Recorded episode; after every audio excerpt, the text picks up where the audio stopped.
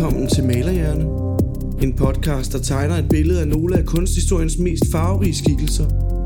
Dine værter er Mia Højved Køben og Johanne Katrine Nielsen. I kan følge med i kunstværkerne på vores Facebook-side facebook.com-malerhjernepodcast eller på Instagram malerhjerne underscore podcast.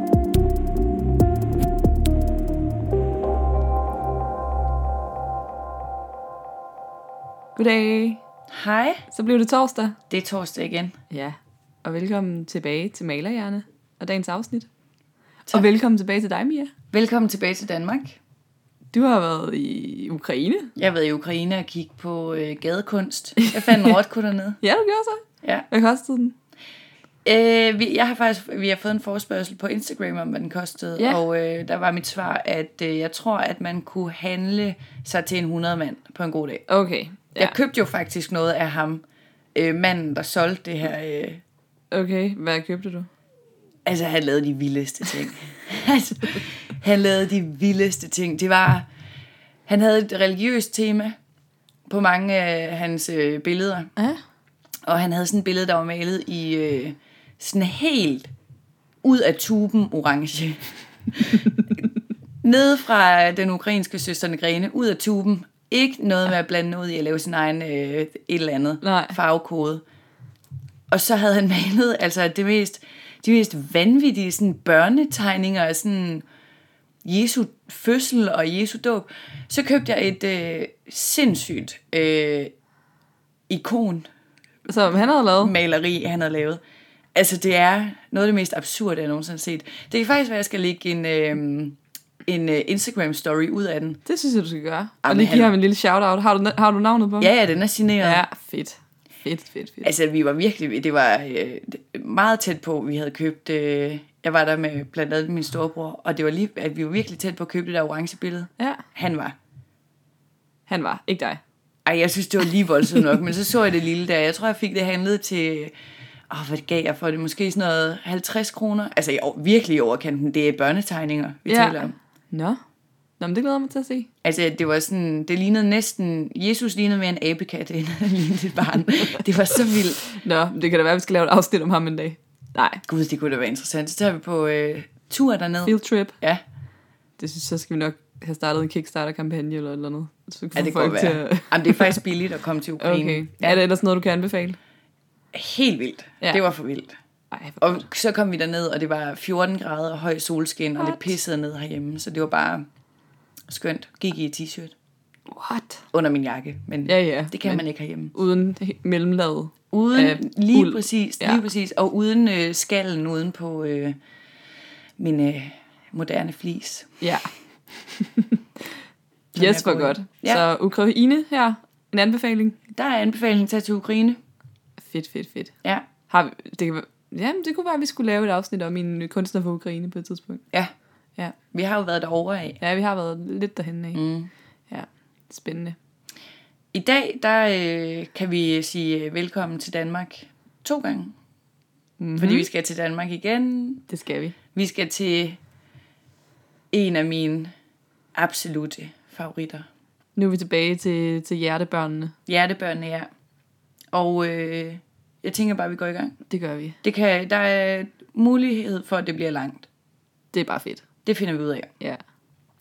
Laurits Andersen, han bliver født den 15. august 1854. Han vokser op sammen med sin far, Anders Olsen, som var julemager og tømrer, og sin mor, Johanne.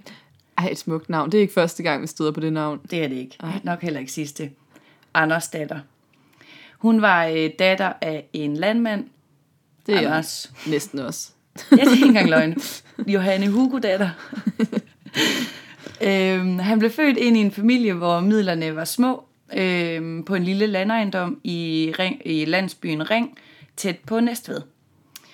I sit senere kunstvirke, der øh, distancerede han sig aldrig fra øh, sin oprindelse, men tværtimod så tog han ligesom landbefolkningens øh, vilkår på sig som sin øh, skæbne, øhm, og gjorde det samtidig til sin øh, egen kunstneriske skæbne at videreformidle denne her øh, landbefolkningens øh, skæbne på sine værker. Og det gjorde han uden at gå på kompromis med, eller forvi, øh, forfine, eller forvrænge virkeligheden. Øhm, og det, det kunne man godt gøre for ligesom at gøre sine billeder mere salgsbare i storbyen, altså sådan forfine eller romantisere, Ja. eller sådan livet på landet, men det gjorde han altså ikke. Det var også en af årsagerne til, at han øh, senere af en kritiker er blevet for øh, hæslighedens apostel. Okay. Ja. Efter sin konfirmation, der kom Laurits Andersen i lære som håndværksmaler og fik sit svendebrev fire år senere, så han er altså uddannet maler. I 1873, der tager han til København for at gå på teknisk skole, øhm, men beslutter sig samtidig for at øh, modtage malerundervisning i to år, hvorefter han bliver optaget på Kunstakademiet i 1875. Øh, her der faldt han aldrig rigtigt til, eller lærte at trives. Og det var sådan, som vi har været inde på så mange gange, fordi de havde den her sådan meget strenge undervisning, og øh, Laurits Andersen, han følte sig utilstrækkelig i især tegning. Ja. Der var ikke plads til, at man kunne udfolde sig som individ. Præcis. Ja. Øh, derudover så var hans øh, lærer, øh, professor og repræsentant for det, man kalder genremaleriet, øh, som er sådan romantik med romantik på. Ja. Øhm, lige netop det der skildrer landbefolkningen som sunde og velskabte mennesker, som er finpudset i søndagstøjet. Øhm, og det var ligesom en stil, som Laurits Andersen og flere andre øh, malere øh, gør op med, og i stedet for øh, placerer sig i det, vi måske kan kalde for realismen. Nogle gange så øh, udtrykte Andersen sig dog også som symbolist, øh, fordi han benyttede sig af symboler for at give udtryk for sin egen sådan, livsfornemmelse, kan man sige. Øhm, som et modsvar til Kunstakademiets tørre undervisning, der øh, forsøger Laurits Andersen øhm, i en periode at tage undervisning på P.S. Krøyers malerskole og færdiggøre heller ikke det. Okay. På akademiet der møder Laurits Andersen øh, en anden kunstner, som hedder Hans Andersen, og øh, de får et rigtig stærkt bånd til hinanden, fordi de begge to opfatter verden på samme måde. De bor øh, sammen i København og delte øh, atelier med hinanden. Og i 1881, der beslutter de to venner så for at ændre deres efternavn, for de ligesom ikke bliver forvekslet ved udstillinger, og de ikke mm. bliver at forveksler øh, signaturer i øh, atelieret.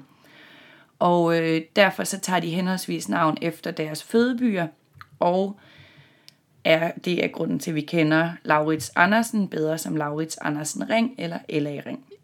Der kom den. Der kom den nemlig. Fordi han var fra Ring. Han var fra Ring. Ringens første udstilling, den er i 1882, hvor han endelig efter øh, tidligere at have fået afvisninger, øh, får et af sine billeder på Charlottenborg. Men han har ikke særlig stor succes. Øh, han øh, begynder i de følgende år at øh, gennemgå en dyb krise, øh, eller en dybere krise, end han indtil nu ligesom havde oplevet, og det er nok sådan i- blevet skubbet ekstra af dødsfald i familien, en af hans brødre, og at salget af hans malerier nærmest var ikke eksisterende. Øh, I årene efter 1883, der tilbringer Ring en del tid hjemme ved sine forældre, fordi hans far øh, blev dødeligt syg, og fordi Rings øh, psyke begyndte at nage. Den har man da næsten hørt før. Vi kender den. Gang på gang. Ja, lige præcis. Han led af enorm tungsind og restløshed, og under opholdet hos sine forældre, der brugte han en del tid på at male de to øh, værker, som hedder Banevogteren og En vogterdreng, som øh, også bliver hans første friluftsmalerier. Øhm, man siger, at øh, man på værket Tiggerbørn uden for en bondegård i landsbyen Ring fra 1883 kan se, at han øh, begynder at finde sin egen kunstneriske stil, som han også udøver de næste 30 år frem. Sindstemningen i hans værker, de skildrer i høj grad hans egen grundtilstand og de problemer, han ligesom selv går rundt med. Øhm, og derfor kan man også argumentere for, at stemningen i hans værker er meget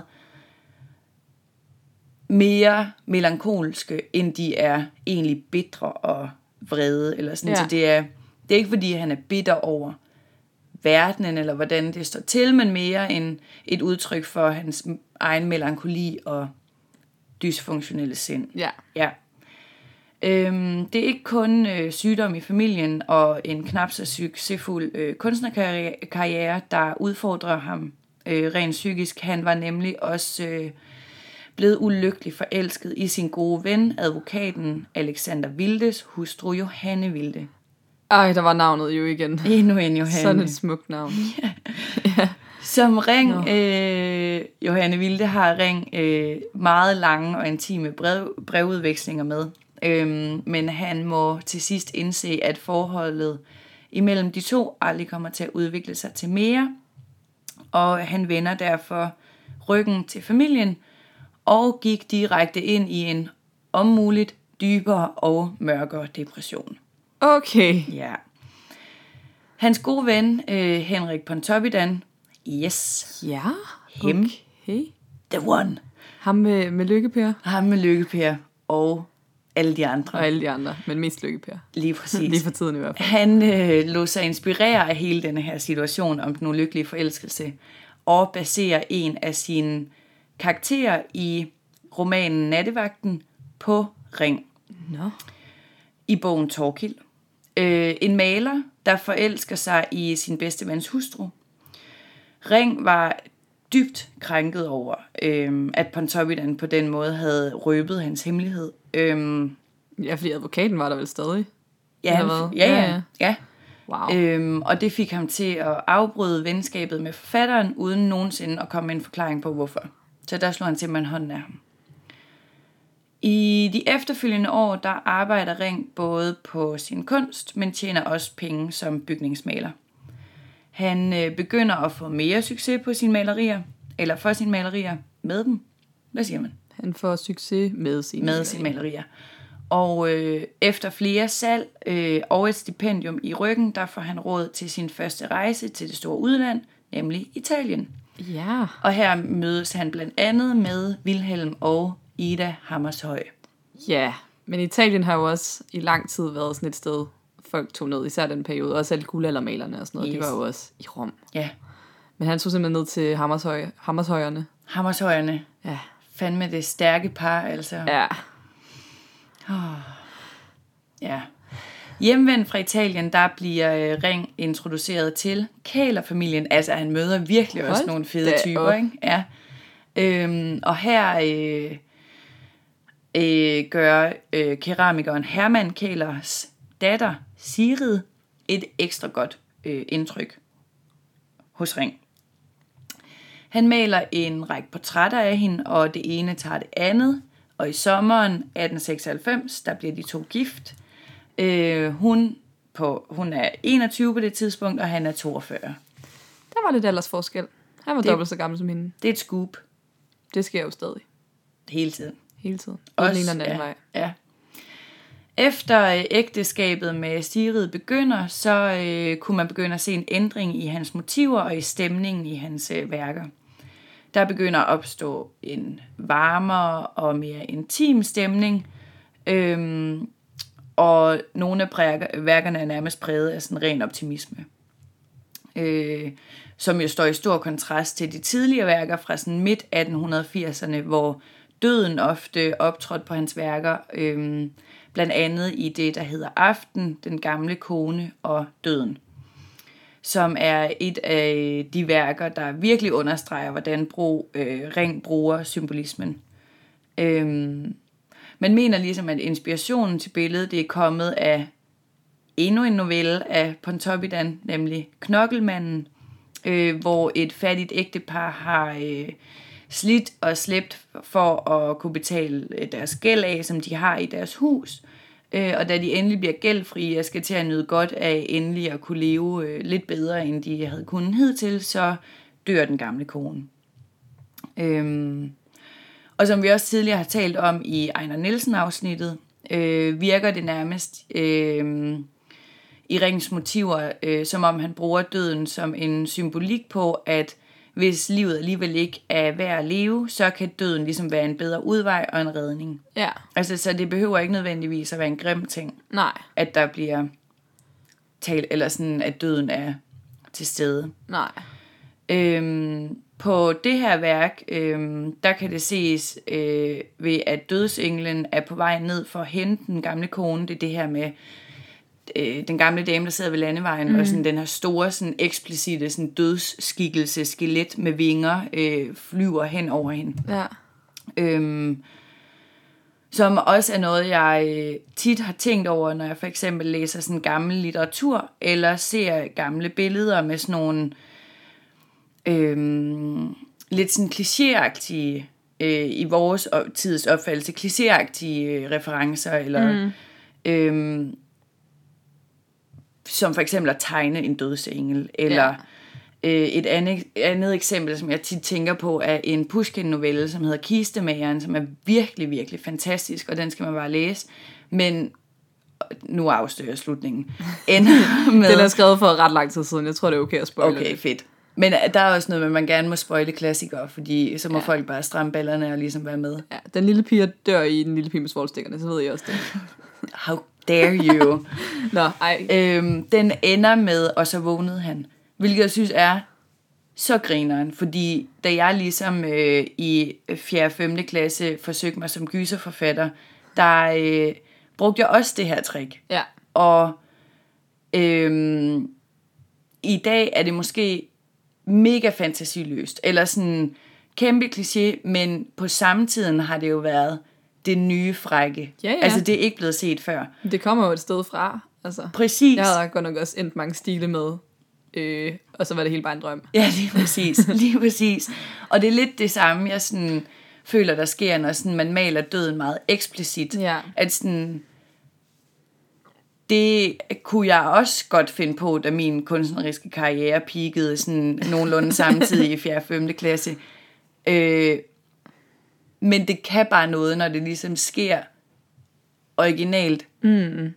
for lang tid siden. Eller sådan, man ja. havde et green card til at gøre, fordi det var, man havde ikke set det før. Nej.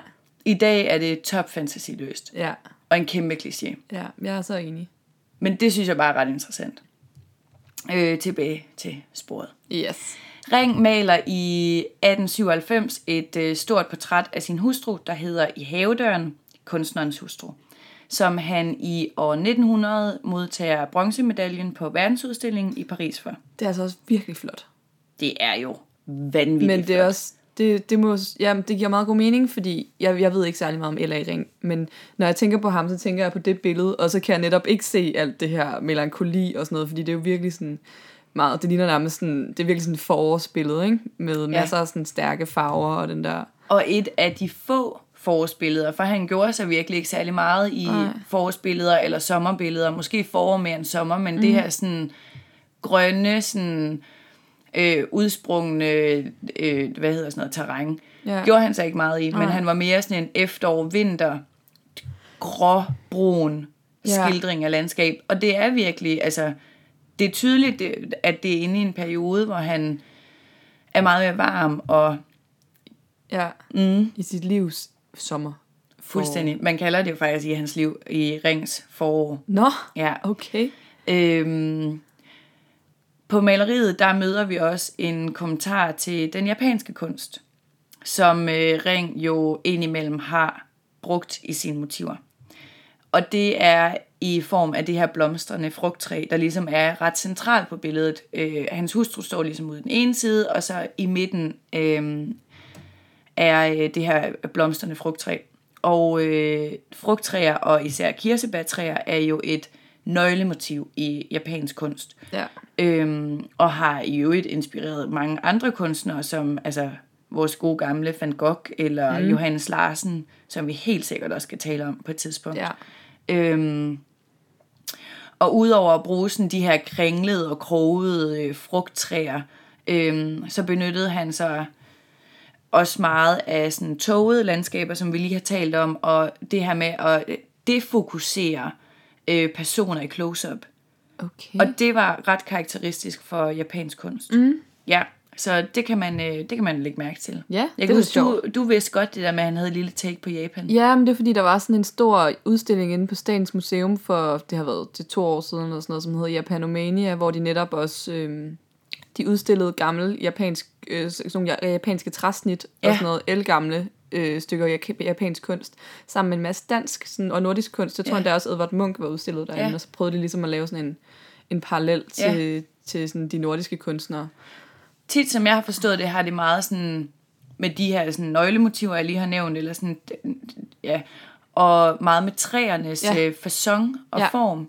At det er sådan, når de er kroget og sådan kringler lidt. Ja, ja at det var øh, meget karakteristisk for øh, den japanske kunst, især de der træsnit. ja, Ja. helt vildt meget. Og det er også sådan, det, nu, har jeg, nu har du været i Japan, det har jeg ikke selv Nej. været, men der findes, og der er også sådan tempeludsmykninger i Japan og sådan noget, hvor det Ja. kun er de her flotte, flotte øh, træer, der ligesom øh, er vægdekorationen inde Ja. i de her templer. Ja, lige præcis. Ja. Ja, udover at male interiører i familiens hjem, eller øh, male sin hustru eller parrets tre børn, øh, så øh, søgte han også sine øh, motiver i lokalsamfundet. Det har vi også hørt om før. Et par Øhm, gange. Et par gange. Man kan øh, nærmest forestille sig, hvordan han har gået rundt til fods, øh, ligesom så mange andre af realismens forgængere, øh, og talt med de mennesker, han ligesom er, har mødt på sin vej. Han øh, startede ofte sine malerier øh, i friluft udenfor, og så færdiggjorde han dem hjemme i atelieret. Og et af hans hovedværker øh, hedder På kirkegården i Flyng, som er malet i 1904. Og på billedet, der ser man den her gamle kone, der sidder på en bænk på Flyng Kirkegård ved siden af sådan, eller lidt foran, forskudt ved siden af hende, af et øh, stort støbejernskors.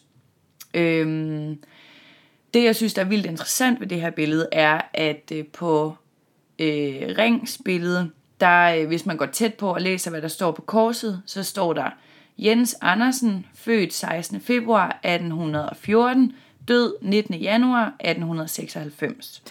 Er det hans far? Nej.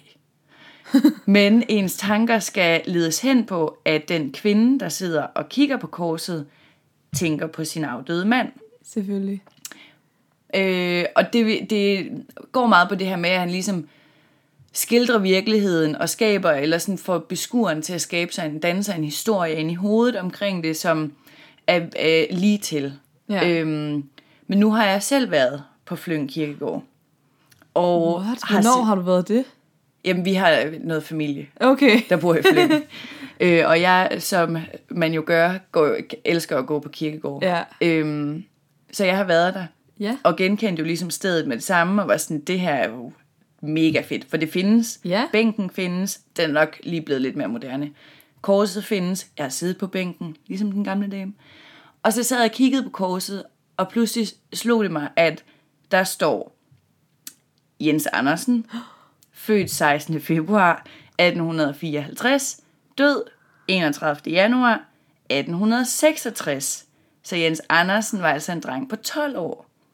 Og så ved man så, fordi så går man ligesom ind i det, at øh, Jens Andersen på 12 år døde af skarlensfeber, men for Ring har virkeligheden åbenbart været underordnet, fordi han selv har ville fortælle en historie, og derfor han ændret på årstallene. Okay. Og det synes jeg bare er et ret, en ret interessant historie at have med, når man kigger på hans billeder, fordi de er så, så virkelighedsnære, ja. så socia- altså socialrealistiske på en eller anden måde, sådan, men hvor tæt på virkeligheden har han i virkeligheden været. Ja, ej, det er mega sjovt. Men det er også, altså, man kan jo snakke i 100 år om øh, naturalisme og realisme, og jeg ved ikke hvad, mm. men sandheden er jo, at alle billeder er konstrueret på en eller anden måde. Ja, Altså, og det her det er jo et vildt godt aldrig eksempel. virkeligheden. Nej, det gør ej, det nemlig ikke. er det fedt.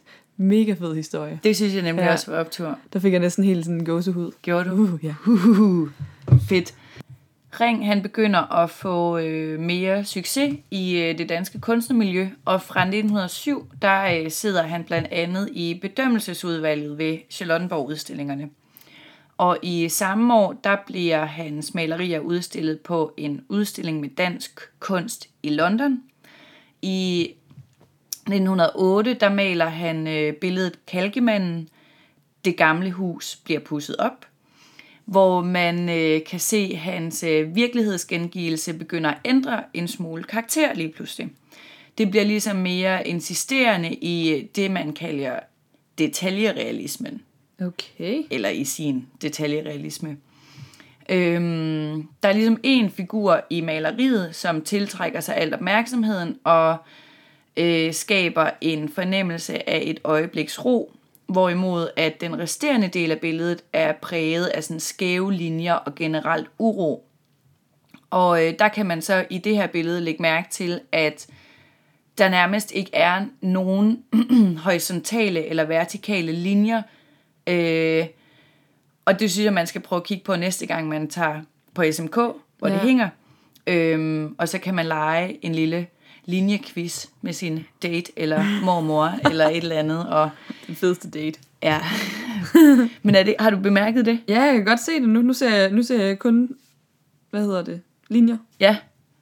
Det er sjovt. det der med, at sådan kalkemanden i midten, han øh, får ligesom, øh, han, han umiddelbart får han billedet til at se enormt roligt ud. Ja, men der foregår en masse. Der Det foregår sådan, rigtig meget. Og det synes jeg egentlig også, når man sådan begynder så også at kigge på kalkemanden, at det egentlig også lidt gør der. Ja, Det er sådan meget, det ser næsten utydeligt ud. ja, Altså sådan, ja, ja, ja. det er sjovt. ja, det er nemlig ret sjovt. Når året efter, i 1909, der bliver hans øh, malerier udstillet i München og Berlin, og Ring han bliver medlem af Akademirådet til og med år 1915. Det bliver meget årstalagtigt nu, men sådan er ja. det, når de begynder at dø. Ja. Øh, I 1913, der køber Ring en grund ved Roskilde, øh, som han kalder Bjerget, øh, hvor han i samarbejde med arkitekten A.L. Klemmesen tegner en bolig, som stod færdig i 1914. I det næste årti, der havde Ring en længere periode, hvor han ikke rigtig malede, men brugte sit, sin tid i bare i huset og haven, og hvis han ikke var der, så var Oh, han det er sådan noget, man bare har lyst til. Ja, virkelig. Jeg tror, at han er også ved at være gammel. Ud Altså, roserne. fuldstændig. Og hvis han ikke var der, så var han ude og sejle i sin båd ved Roskilde Fjord. Ej, det lyder så dejligt. Ja. Roskilde Fjord er så dejligt. Jamen, det er for, altså, mm. han har bare levet. Ja. Øhm, I 1923, der dør Sing- Sigrid af lungekræft. Hun døde før ham. Ja. Og hun havde allerede i 1919 skrevet et afskedsbrev, ved man. Så det har altså, hun har været syg længe. Ja. Øhm, men sygdommen den vandt over hende, og hun døde øh, 49 år gammel. Ring, han var på det her tidspunkt lige knap rundet 70, øhm, og gik efter dødsfaldet fuldstændig i stå med at male øh, det næste år. Øhm, indtil at han fik en soloudstilling i kunstforeningen, og derefter genoptog maleriet, øh, og maler herefter i 1926 billedet Foråret og den gamle. De næste par år, der nusser han bare rundt derhjemme. Han er en gammel mand. Øhm, hans værker de udstilles sted, øh, samtidig med øh, i både ind- og udland, og i 1930 der bliver han medlem af Kunstakademiet i Stockholm, øh, hvor han også bliver udstillet i selskab med blandt andre Hammershøj. I 33 der er øh, forberedelserne i gang til en stor soloudstilling på Charlottenborg. Øh, og Ring han følger med stor interesse fra hjemmet de her forberedelser. Han bliver over øh, sommeren øh, ramt af en hjerneblødning, øh, som han heldigvis overlever, men han bliver lam i øh, hele venstre side, eller sådan øh, overkrop. Var han venstrehåndet? Nej, det tror jeg ikke, han var. Men han malede heller ikke så meget. Nej. Øhm, tiden ind til soloudstillingen, den stod klar, den brugte Ring på at tale meget med sin fotograf. Som han jo havde. Det havde han. Ja. Og øh, på at få besøg af venner og familie. Og øh, den 10. september, der øh, dør Ring i sit hjem, 79 år gammel. Og soloudstillingen på Charlottenborg, der skulle stå klar samme efterår, den bliver lavet om til en mindeudstilling i stedet for. Åh, hvor fint. Ja. Og det synes jeg faktisk også bare er et ret dejligt sted at slutte. Ja, hvor godt. Ja. Hold da op. Så det var simpelthen Wow. Laurits Andersen Ring. Det var bare så fint. Og lidt om min brillerende kunstneriske karriere i 4. klasse. Og krimiforfatter. Korte karriere. Vi har alle sammen været der på et eller andet Ja. tidspunkt. Det har vi altså. Jeg føler også stadig nogle gange, at jeg er kunstner. Jamen, jeg er også forfatter. Men det er jo heller ikke beskyttede titler, Nej, så det kan det vi jo bare rigtigt. være. det er rigtigt. Ja, Ej, hvor godt. Og så fint med den der mindeudstilling, synes jeg. ja det kunne jeg der også fik jeg da lige en lille tårer. Ja, der fik du en lille øjet. tår. Jeg kunne godt se det. Ja, Det glintede. sådan noget. Ja, men det, jeg er sukker for det. Ja, hvad årstal var det, du sagde, han døde? I øh, 33. Okay. Ja. Ja, det var også lige en... Det var Lige inden. skældsættende år. Og der havde vi så lige producer Kasper på Facebook. Ja. Og en øh, ikke lydløs computer. Den er lydløs nu. Ja, tak. Altid. Nå, vi er jo sådan set også færdige. Vi er færdige. Medmindre du har mere at tilføje. Ikke mere, jeg er blevet hyldet ud af det nu. Ja. så stopper vi bare her. Så tales vi bare ved om en uge. Det gør vi. God torsdag.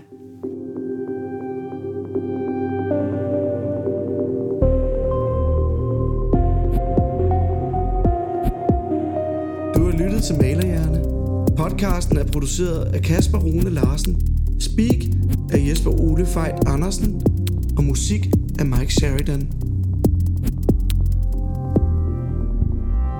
Dine værter var Mia Højt ved Køben og Johanne Katrine Nielsen.